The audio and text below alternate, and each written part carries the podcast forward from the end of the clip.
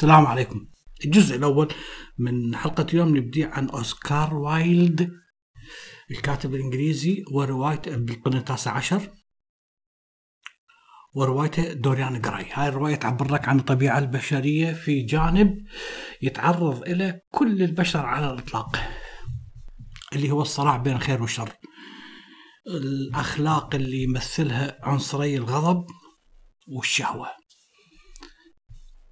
رواية اليوم تتحدث عن إنسان عاش حياة مرفهة حياة فاضلة لكن نوازع النفس البشرية في داخل هذا الإنسان الرغبة في تحقيق الشهوات والملذات. تجعل هذا الرجل بطل روايتنا ينغمس في طريق الشر ويسلك درب الشر من ثم يحدث الصراع بين الخير والشر. طبيعة نفس البطل دوريان جراي هي تلك النفس البشرية التي تدعو إلى الشر ثم تحارب الشر. الرغبة هي اللي تنتصر على الأخلاق على الأخلاق بشكل عام فتنتصر. هذه الرغبة وتقوم على أثرها النفس بالانغماس في الشر. ثم تعود مرة ثانية لتحارب الشر بدعوة سيكولوجية أخلاقية نابعة من نابعة من نفس طبيعة النفس البشرية. وهكذا خير شر صراع. فكل شخصية هذه الرواية دوريان جراي تمثل ذلك الصراع الدامي بين الشهوة بين الرغبات وبين الأخلاق. تبدأ أحداث الرواية عندما يدخل اللورد هنري على صديق الرسام باسيل. باسيل هو رسام مبدع في فنه لكن في شخصيته عديم الجاذبية فيراه يراه منهمكا في رسم لوحة لشخص. هذا الشخص الموجود في اللوحة رائع الجمال. يعرف من باسيل أنه هذا الشخص حقيقي موجود. شاب وسيم اسمه دوريان جراي. كان باسيل تعرف على دوريان جراي مؤخرا وأعجب به ايما أعجاب لجماله لوسامته لروعة شخصيته لجاذبيته. لنبل اخلاقه لدماثه اخلاقه فلا يمر يوم دون أن يراه دون أن يتحدث عنه. يقول عنه باسيل في وجه دوريان شيء يجعلك تثق به.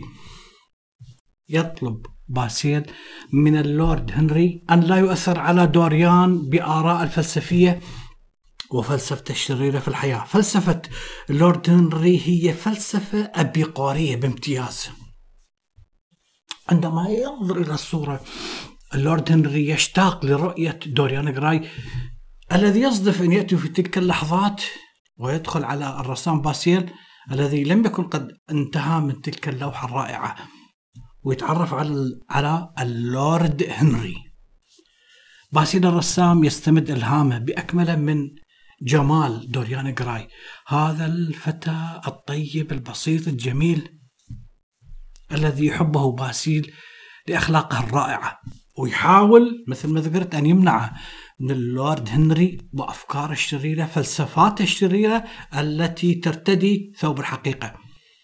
أفكار اللورد هنري تدعو إلى الانغماس في الشهوة في الملذات وتحقيقها مهما كانت الطريقة. من هنا يحدث صراع بين الرغبة وبين الأخلاق. داخل من؟ داخل نفس بطلنا دوريان جراي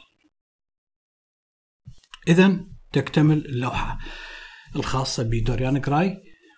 حتى أن دوريان جراي نفسه عندما ينظر إلى هذه اللوحة يعجب بهذه اللوحة وبنفسه أيما أعجاب كأنه يدرك لأول مرة جاذبيته وسامته وجماله في هذه اللوحة التي رسمها باسيل. لكن مع ذلك دوريان جراي ينفجر بالبكاء بعد هذا الإعجاب في هذه اللوحة الجميلة الرائعة التي يقف أمامها كل ما شاهدها مصدوم من جمالها. فيسأل صديقه لماذا تبكي؟ فيقول صديقه أنه سبب بكائي أنه هذه اللوحة ستبقى محتفظة بشبابها إلى الأبد بينما أنا سأشيخ وسأهرم تمنى أن لو يحدث العكس فلو أن اللوحة هي التي تشيخ ويبقى هو شاب وهنا هو محور الرواية يقول دوران جراي عندما رأى روعة جماله وكأنه يدرك لأول مرة كم هو جميل ووسيم وجذاب. هذا الجمال الذي لا يخفى على أي أحد يراه يقول سأشيخ. سأتجعد بينما تحتفظ هذه اللوحة بشبابها. لو كان بوسعي أن أظل أنا كما أنا. وتشيخ هذه بدل مني. إنني لا أعطي كل شيء مقابل أمنية كهذه. أعطي روحي بذاتها. إن الشباب هو القيمة الوحيدة في الكون. ويوم أدرك أنني أشيخ سأقتل نفسي. والحقيقة يجاوب هنري بفلسفة حلوة جميلة يقول لا لا لا لا. الأشياء التي تفنى هي التي تكون لها قيمة بمعنى أنه لو أنت تبقى شاب حياتك بأكملها لن يكون للشباب قيمة لأنه هو موجود للأبد. لكن هاي الفترة القليلة اللي هي محصور بها بالعمر الشباب هي اللي تعطي تعطي للشباب قيمة. فناء الشباب هو الذي يعطي قيمة للشباب. إذا بعد ذلك يقع دوريان جراي في حب ممثلة مسرح من الدرجة الثالثة تدعى سيبيل. سيبيل يعجب بها أيما إعجاب. ويذهب لصديقه هنري ويخبره بأنه أعجب تلك الفتاة اللي تمثل على مسرح من الدرجة الثالثة. هنري صاحب الفلسفة الشريرة يقول لا لا توجد امرأة عبقرية. النساء جنس زخرفي لا أكثر ولا أقل. ليس لديهن ما يقال لكنهن يقلنه بأسلوب ساحر. النساء تمثل انتصار المادة على الروح كما يمثل الرجل انتصار العقل على الأخلاق. إذا في علاقتهم وكما تنبأ الرسام يستمر. هنري ببث أفكار المسمومة إلى دوريان. هذه الأفكار المسمومة المعسولة التي يوما بعد يوم سوف تفسد هذا الشاب إذا يخطب دوريان جراي سيبيل وهو في الحقيقة عندما نأتي إلى نفسه لم يكن يحبها إنما كان يحب فيها عبقريتها في التمثيل في أداء أدوار شخصيات شكسبيرية عظيمة جوليت أوفيليا دزدمونة وغيرها من الشخصيات الشكسبيرية. فأعجب بإدائها التمثيلي الرائع. يدعو صديقه باسيل وكذلك هنري اللورد هنري في حضور مسرحية له حتى يريهم العبقرية التي تمثل بها شخصيات شكسبير. لكن هذه الشخصيات الثلاثة بطلنا وهنري وصاحبه باسيل الرسام ينصدمون وكذلك الجمهور الحاضر ينصدمون بإداء سيبيل الإداء الذي ليس به يعني روعة ابدا. هذا الإداء اللي كان رديء جدا رتيب. والغريب إنه تحول رتيب بين عشية وضحاها. اذا بعد انتهاء العرض يذهب دوريان جراي إلى سيبيل في حجرتها اللي موجودة داخل المسرح ويوبخها بمنتهى القسوة على هذا الإداء الرتيب. هذا الرجل لا يدرك أن الفتاة أحبته فلم تعد بحاجة لأن تتقمص أدوار الحب مثل جوليت في مسرحية روميو وجوليت ما تحتاج بعد أن تؤدي أدوار الحب. لا هي عاشت الحب. فإذا لم تعد تستطيع أن تتقمص أدوار العاشقات في الأدب. شكسبير وغيرها. حان الوقت لأن تتقمص قصتها تتقمص دورها. هي سيبيل. هي لذلك ظهر على المسرح أداءها رتيب. إذا هي تمثل نفسها وليست سواها. لذلك كان أداءها رتيب في هذه المسرحية وظهرت شخصية عادية. إذا هي موهوبة لكن ما ظهر على المسرح لا دزدمونة ولا أوفيليا. ولا جولييت. ابدا. اللي ظهر هي سيبيل. مع ذلك يقول اللورد هنري إنه الفنانين ذوي الشخصية الجذابة فنانين رديئين جدا. الفنانون الجيدون يتواجدون أين في أعماقهم؟ بالتالي تجدهم مملين في شخوصهم. الشاعر العظيم حقا هو أقل الناس شاعرية في كلامه وفي حياته. بعد أن يجابه دوريان جراي سيبيل. وينصدم من إدائها الرتيب تتوسل إليه أن لا يتركها وأنها ستحاول أن تفعل ما يرضيه وأنها ست... ستحاول أن تعيد لنفسها موهبتها اللي ضاعت بسبب حبها له مع ذلك هو لم يكن يعي كل هذا يتركها غير آبه بدموعها. بعد ذلك تنتحر الفتاة. ويعرف دوريان جراي أنها انتحرت. فلا يأبه لذلك إلا لوم بسيط يلوم نفسه. يعني يتأثر لكن بالشيء البسيط يحاول شقيق سيبيل الاعتداء على دوريان جراي لكن الحضور والخدم أصدقاء دوريان جراي يبعدوا عنه. أوسكار وايلد صاحب هذه الرواية يصف دوريان جراي بهذا الموضوع آه الذنب والشعور بالذنب ثم التحرر من الشعور بالذنب. وصف فلسفي رائع. عندما يلوم نفسه يقول جراي عندما يلوم نفسه بعد كل ذنب يقترفه يرى نفسه تخلص من عبء هذا الذنب. اذا أصبح نقي من من كل الذنوب. الحاله يستطيع أن يمارس ذنوب أخرى. مثل حجاجنا اللي يذبحون بيت الله الحرام فيتصورون إنه أصبح كيوم ولدته أمه حتى يرجع مرة ثانية العن من السابق لأنه انغفرت له كل حسناته أو هذا اللي يذهب سير على الأقدام إلى مزارات وأئمة وضاحكين عليه بأنه بكل خطوة عمره وحجتين وما أعرف إيش من هذا الكلام. فمستعد هذا الرجل آه، آه، إنه يعمل ذنوب أخرى لأن البقية كلها صار ديليت له. مع ذلك يذهب دوريان جراي إلى بعد انتحار الفتاة اللي أحبته يذهب إلى اللوحة من أجل أن يراها هو معلقها في في الاستقبال. رآه في هذه اللوحة أنه هذه اللوحة أصبحت قبيحة شيء من القبح. هذه اللوحة بها شيء من القسوة شيء خفيف من القسوة في ملامحه. ممكن أن يشاهده هو. وأيضا ظهر تقدم طفيف بالعمر في هذه اللوحة. استغرب من هذا الشيء. فيندهش دوريان يخفيها بعيدا عن الأعين. ياخذها ويضعها في سرداب في أي مكان ما يرى غيرها ويغلفها بل فقط هو ينظر إليها. حتى لا يراها الآخرون وينفضح أمره لأن أصبحت هذه اللوحة رمز للفساد فساد روحه وانعكاس المن لكل سوء أخلاقه. لأن هذا الرجل سبق وأن بعد انتحرت يندفع جراي إلى الانحطاط الأخلاقي. يندفع إلى القسوة التي تتحول إلى قوة عصبية مع تطور الشر في داخله. يبدأ دوريان جراي بناء على اقتراح من اللورد هنري أن يقرأ رواية فرنسية غامضة. هذه الرواية الفرنسية الغامضة جعلته يقيم كل معتقداته السابقة. كان بطل الرواية الفرنسية اللي أعطاه إياها اللورد هنري يعيش حياة سعيا وراء المتع الحسية. فيتأثر دوريان بهذا ويتغير بالكامل. يتحول من رواقي إلى أبي قوري فيبدأ يعيش حياته طول بعرض مجون وفسوق. وأي فسوق وأي مجون في بيوت دعارة لا تعد ولا تحصى. ينغمس إلى أشد حالات الانغماس وإلى رذيلة ليس لها مثيل. الشيء الوحيد اللي يوثق كل هذا الانحطاط اللي حدث في نفسه هذا الانحطاط اللي جعل يذهب إلى الاسوء هي الصورة.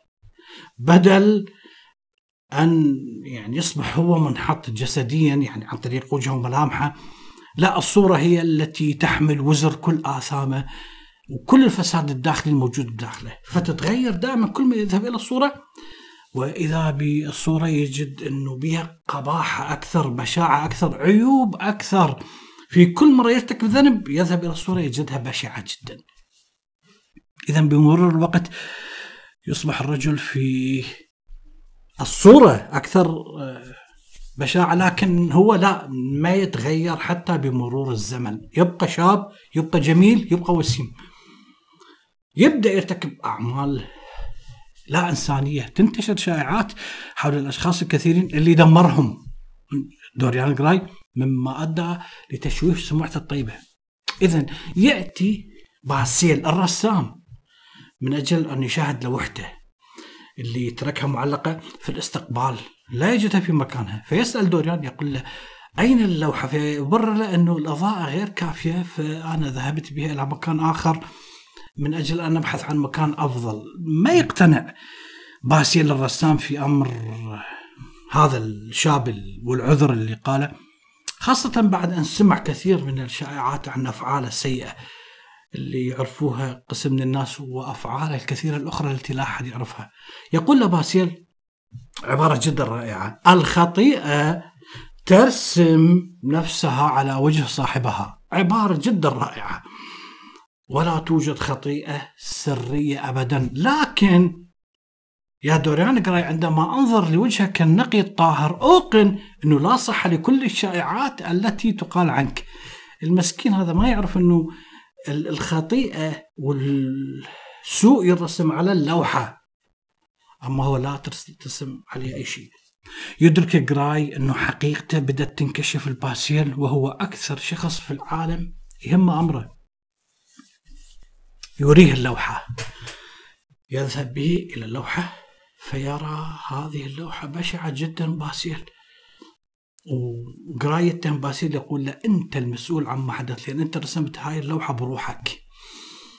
فانصدم باسيل وتوسل إلى أن يصلي طلبا للمغفرة عن كل ذنوبه لكن دوريان يطعنه بسكين بكل وحشية ويقتله.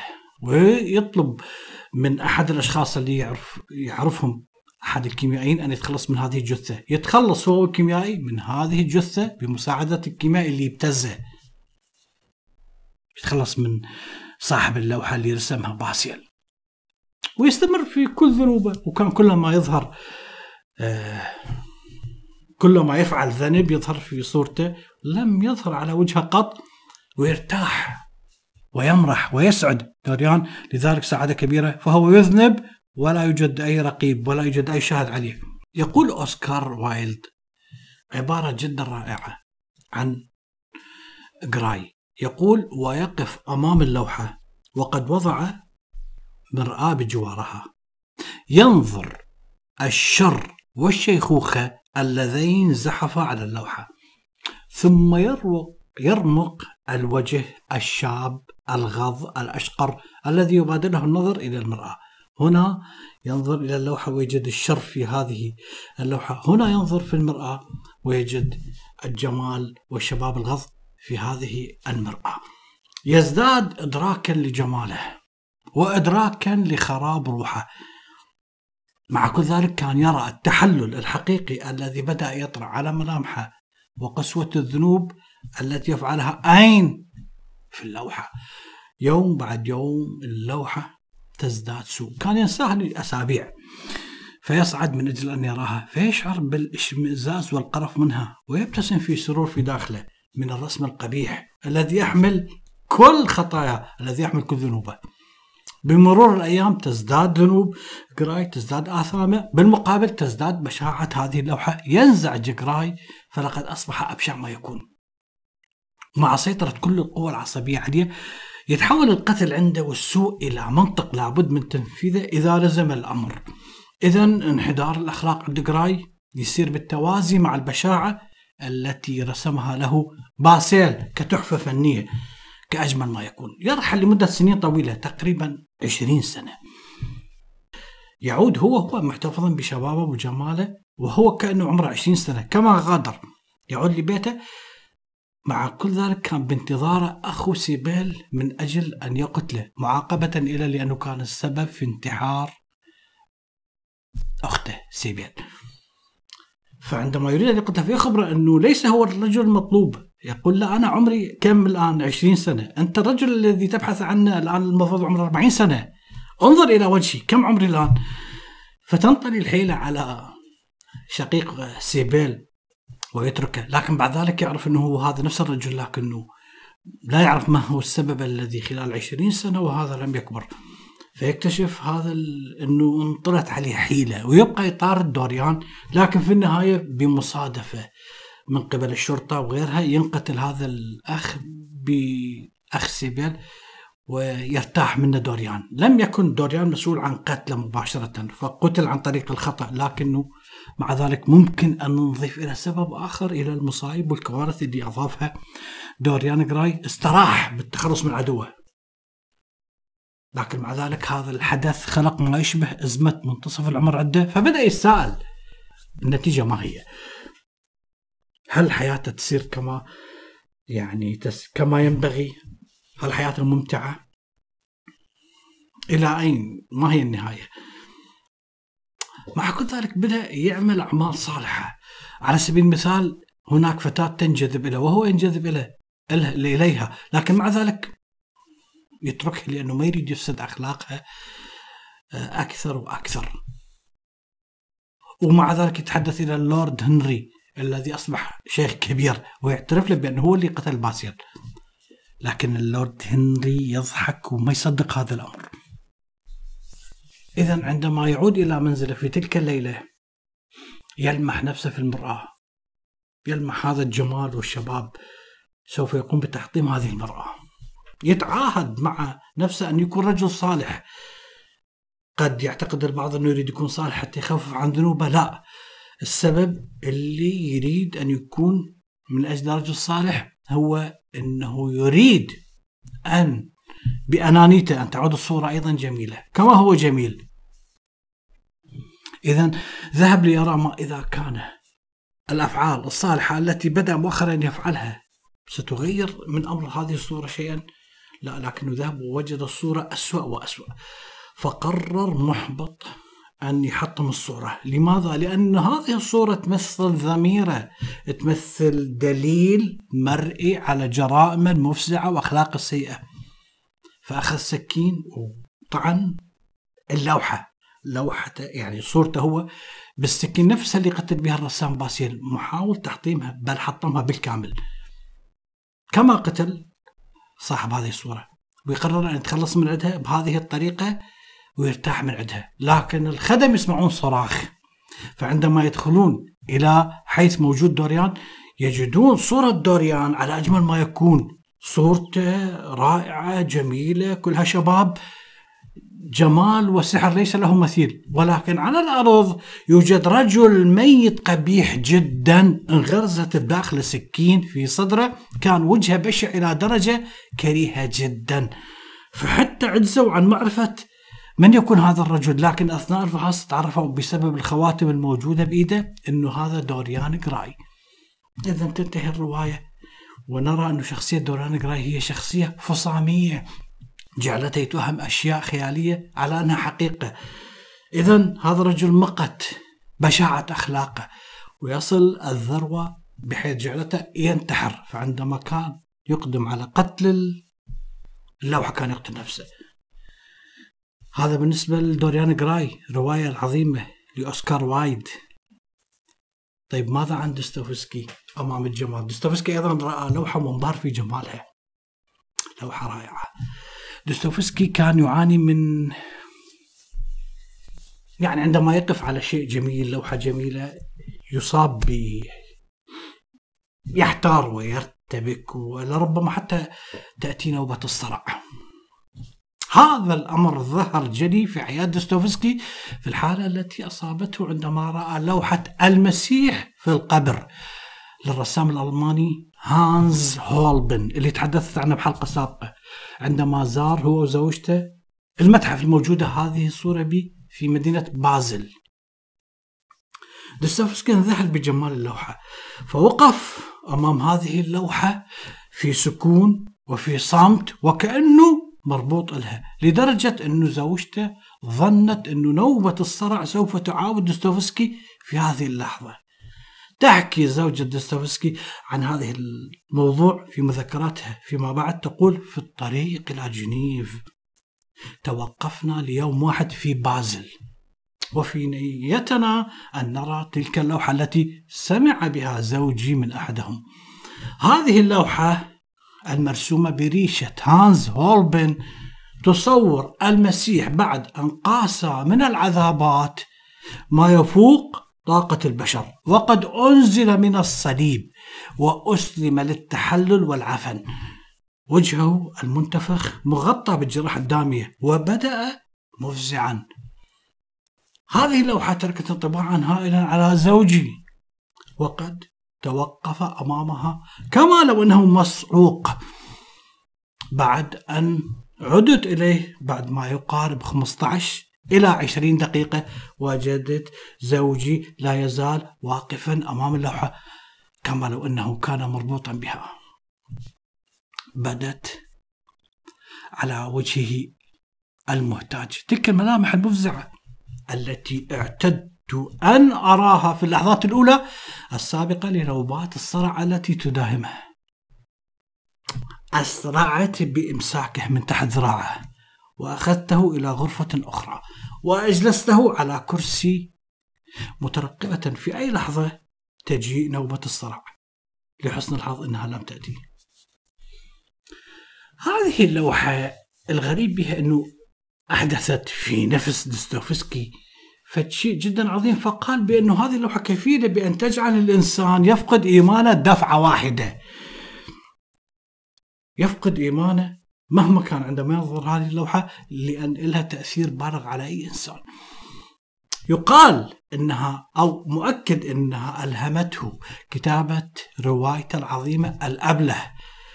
حتى في داخل هذه الرواية تحدث عنها في داخل هذه الرواية. اسهب في شرح هذه اللوحة. وإنه هذه اللوحة مختلفة عن اللوحات الأخرى التي تركز على جمال السيد المسيح حتى وهو ميت. يعني إحنا ممكن أن نراها في صور الإمام الحسين وهو مقطوع الرأس ومحمول على رمح ووجهه عادي كأنه وجه إنسان حي. لا. كذلك صور السيد المسيح هي كلها صور وهو ميت تصوره وجهه نوراني وأحمر و... لا لا هاي هاي اللوحة تختلف إنه صورت لك رجل ميت. هذه اللوحة صور رجل ميت على وجهه آثار تعذيب مريع بسبب الآلام اللي ذاقها. بحيث تجعل الإنسان في حيرة حول ما إن إذا كان هذا الرجل الميت ممكن أن يقوم مرة أخرى؟ لهذا السبب آه الإنسان لربما يفقد إيمانه إنه هذا ميت وشابع موت هذا بالنسبة لدستوفسكي. ماذا عن فرويد والجمال؟ فرويد أيضا كان عنده نفس متلازمة الجمال عند دستوفسكي عندما ينظر إلى اللوحة أو تحفة أيضا يصعق البداية سنة 1505 طب طلب البابا أحد باباوات الفاتيكان نسيته طلب من الرسام النحات الإيطالي مايكل أنجلو أن ينحت إلى تمثال للنبي موسى من أجل أن يضعه في ضريحة. اذا اعتمد مايكل أنجلو من أجل أن يرسم هذه اللوحة العفو التمثال على مواصفات النبي موسى التي موجودة أين؟ في التوراة في سفر الخروج بالتحديد. وصنع تمثال جدا رائع متقن إلى درجة يكاد يبدو حقيقي. لدرجة أنه يقال أنه مايكل انجلو عندما كمل هذا التمثال ضرب بقاعدة الإزميل على ركبته وقال تكلم يا موسى. لذلك آه مايكل انجلو هو مو الوحيد اللي انذهل بالرسم اللي رسمه وقال له تكلم يا موسى لا. أيضا فرويد انصعق من شدة إتقان وجمال هذا التمثال عندما ذهب لمشاهدته لدرجة إنه فرويد خر مغشيا عليه. عندما أول ما نظر إلى هذه التمثال مع العلم فرويد ما يؤمن لا بموسى ولا برب موسى. فرويد عنده كتاب اسمه موسى والتوحيد يقول لا وجود لشخصية موسى. المهم لكن مع ذلك الجمال أخذه. ليس فقط هذا كان فرويد مولع بجمال التحف الفنية التي كان يراها في أي مكان. كان عنده شغف لا ينتهي بالتاريخ وكذلك بالآثار خصوصا الموجودة بمدينة أثينا. كان ضعيف جدا أمام هذه الآثار. لدرجة أنه كان يخاف عندما يزور أماكن أثرية عندما ينظر إلى هذه التماثيل لأنه كان يشعر بجمال لربما يأخذ روحه. يعني أعراض غريبة تنتابع عندما يكون أمام عمل فني جميل جدا. ليس له مثيل. فقيل إنه كان يخشى عليه أو أخشي عليه أمام تمثال النبي موسى. طبعا اللي يقدرون الجمال قد شخص ينظر إلى آه، تمثال نبي موسى ويقول يعني ما هو تمثال حاله حال بقية التمثال. هذا فرويد عزيزي مو شخص آخر. نفس الأغماءات أو الحالات العظيمة أو العصبية أو اللي ما أعرف شو نسميها اللي تحدث فرويد عندما كان يزور معبد البارثينون هذا اللي انبنى تقريبا 27 قبل الميلاد أو بعد الميلاد مو مشكلة. فكان ينذهل من التماثيل الموجودة به وكما ذكرت على الرغم من إنه فرويد لم يكن متدين لكنه مع ذلك كان يشعر بالجمال جمال الأعمال الفنية. بالضبط كما مايكل أنجلو تأثر بتمثال لنحته لدرجة أنه كتب مقال اسمه تمثال موسى لمايكل أنجلو عبر في هذا المقال عن عميق الدهشة عن إعجابه العظيم. من دقة نحت هذا التمثال الذي بدأ له أنه رجل يكبح جماح غضبة. يعني التمثال اللي نحت مايكل أنجلو هو موسى من نزل ومعاه الألواح اللي يتحدث عنها القرآن. ووجد بني إسرائيل عابدين عجل ولزم أخوه من من من لحيته هارون. هو يعني هو مايكل أنجلو رسم, رسم نحت هذه اللقطة أو هذه الحالة. فانذهل فرويد من الإديان اللي لازمه الألواح بطريقة غاضبة. ايده اليمنى ماسكه الألواح بطريقة يعني غير محكمة لنقل أما اليسرى فعضلاتها يعني حتى الأوردة مشدودة بحيث الأوردة تطفر عروقها نافرة بشكل جدا كبير كما لو أنها يعني ارتدت من أجل أن تضرب رؤساء بني إسرائيل اللي عبدوا العجل.